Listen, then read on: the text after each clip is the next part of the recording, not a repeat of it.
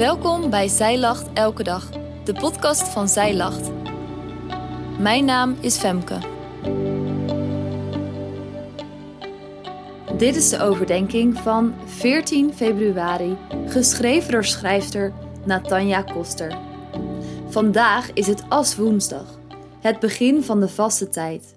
Voor carnavalgangers een dagje om met de benen omhoog te gaan en te herstellen van het feestgedruis. Maar voor sommige gelovigen is het een dag om naar de kerk te gaan. Daar krijgen ze van de priester een kruisje van as op hun voorhoofd met de uitspraak: Stof ben je, en tot stof zal je wederkeren. Deze uitspraak vind je terug in Genesis 3, waar God deze woorden uitspreekt naar de zondeval. De as die de priester in de kerk gebruikt voor het kruisje is afkomstig van de verbranding van de palmtakken die het jaar daarvoor zijn gebruikt voor het vieren van Palmpasen. Je kunt het dus zien als een voorbereiding op Pasen en een moment van bezinning over onze nood voor verlossing van onze zonde. Ook is Aswoensdag de start van de 40 dagen tijd, waarin veel christenen ervoor kiezen om te vasten. Heb je hier al wel eens aan meegedaan? Soms kiest iemand ervoor te vasten op zoetigheid, maar ook social media of alcohol worden veel gekozen. Misschien kan jij overwegen om dit jaar ook mee te vasten. Zelf kies ik vaak voor iets waar ik stiekem toch wel veel waarde aan hecht en wat af en toe ook best mijn aandacht van God kan wegnemen. Het is daarom een mooi idee om niet alleen iets weg te laten, maar er ook iets nieuws voor in de plaats te brengen. Dus bijvoorbeeld niet alleen Instagram verwijderen, maar ook de tijd die je normaal daarop zou doorbrengen, te proberen te besteden aan een gebed voor bijvoorbeeld een niet-christelijke vriendin. Denk er maar eens over na. In de Bijbel spreekt men regelmatig over vasten.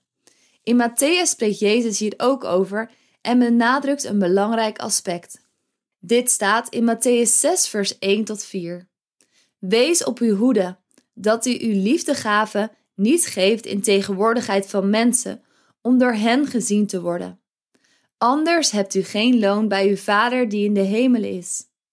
Wanneer u dan een liefdegave geeft, laat het niet voor uw uitbazijnen zoals de huigelaars in de synagogen en op de straten doen, opdat zij door de mensen geëerd zouden worden.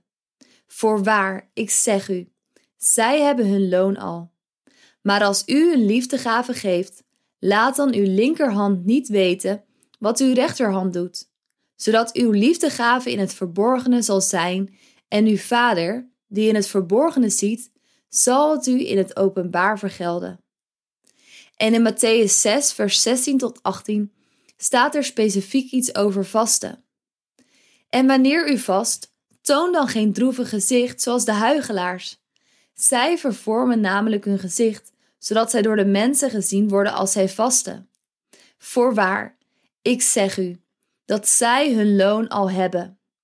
Maar u, als u vast, zalf dan uw hoofd en was uw gezicht, zodat het door de mensen niet gezien wordt als u vast, maar door uw Vader, die in het verborgen is.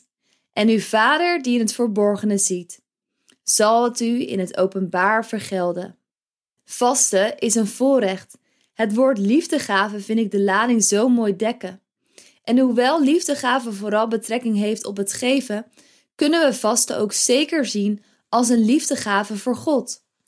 Onze keus om dingen die onze aandacht zo gemakkelijk opslokken, even links te laten liggen en onze ogen te richten op Hem. Dat is een liefdegave voor onze God. Natuurlijk mag je met vriendinnen delen wat jij opzij legt en elkaar steunen. Maar dit stukje in Matthäus laat zien dat we het niet hoeven te doen voor onze eigen eer. We doen het niet om loon te ontvangen van mensen om ons heen, maar we doen het voor de Vader.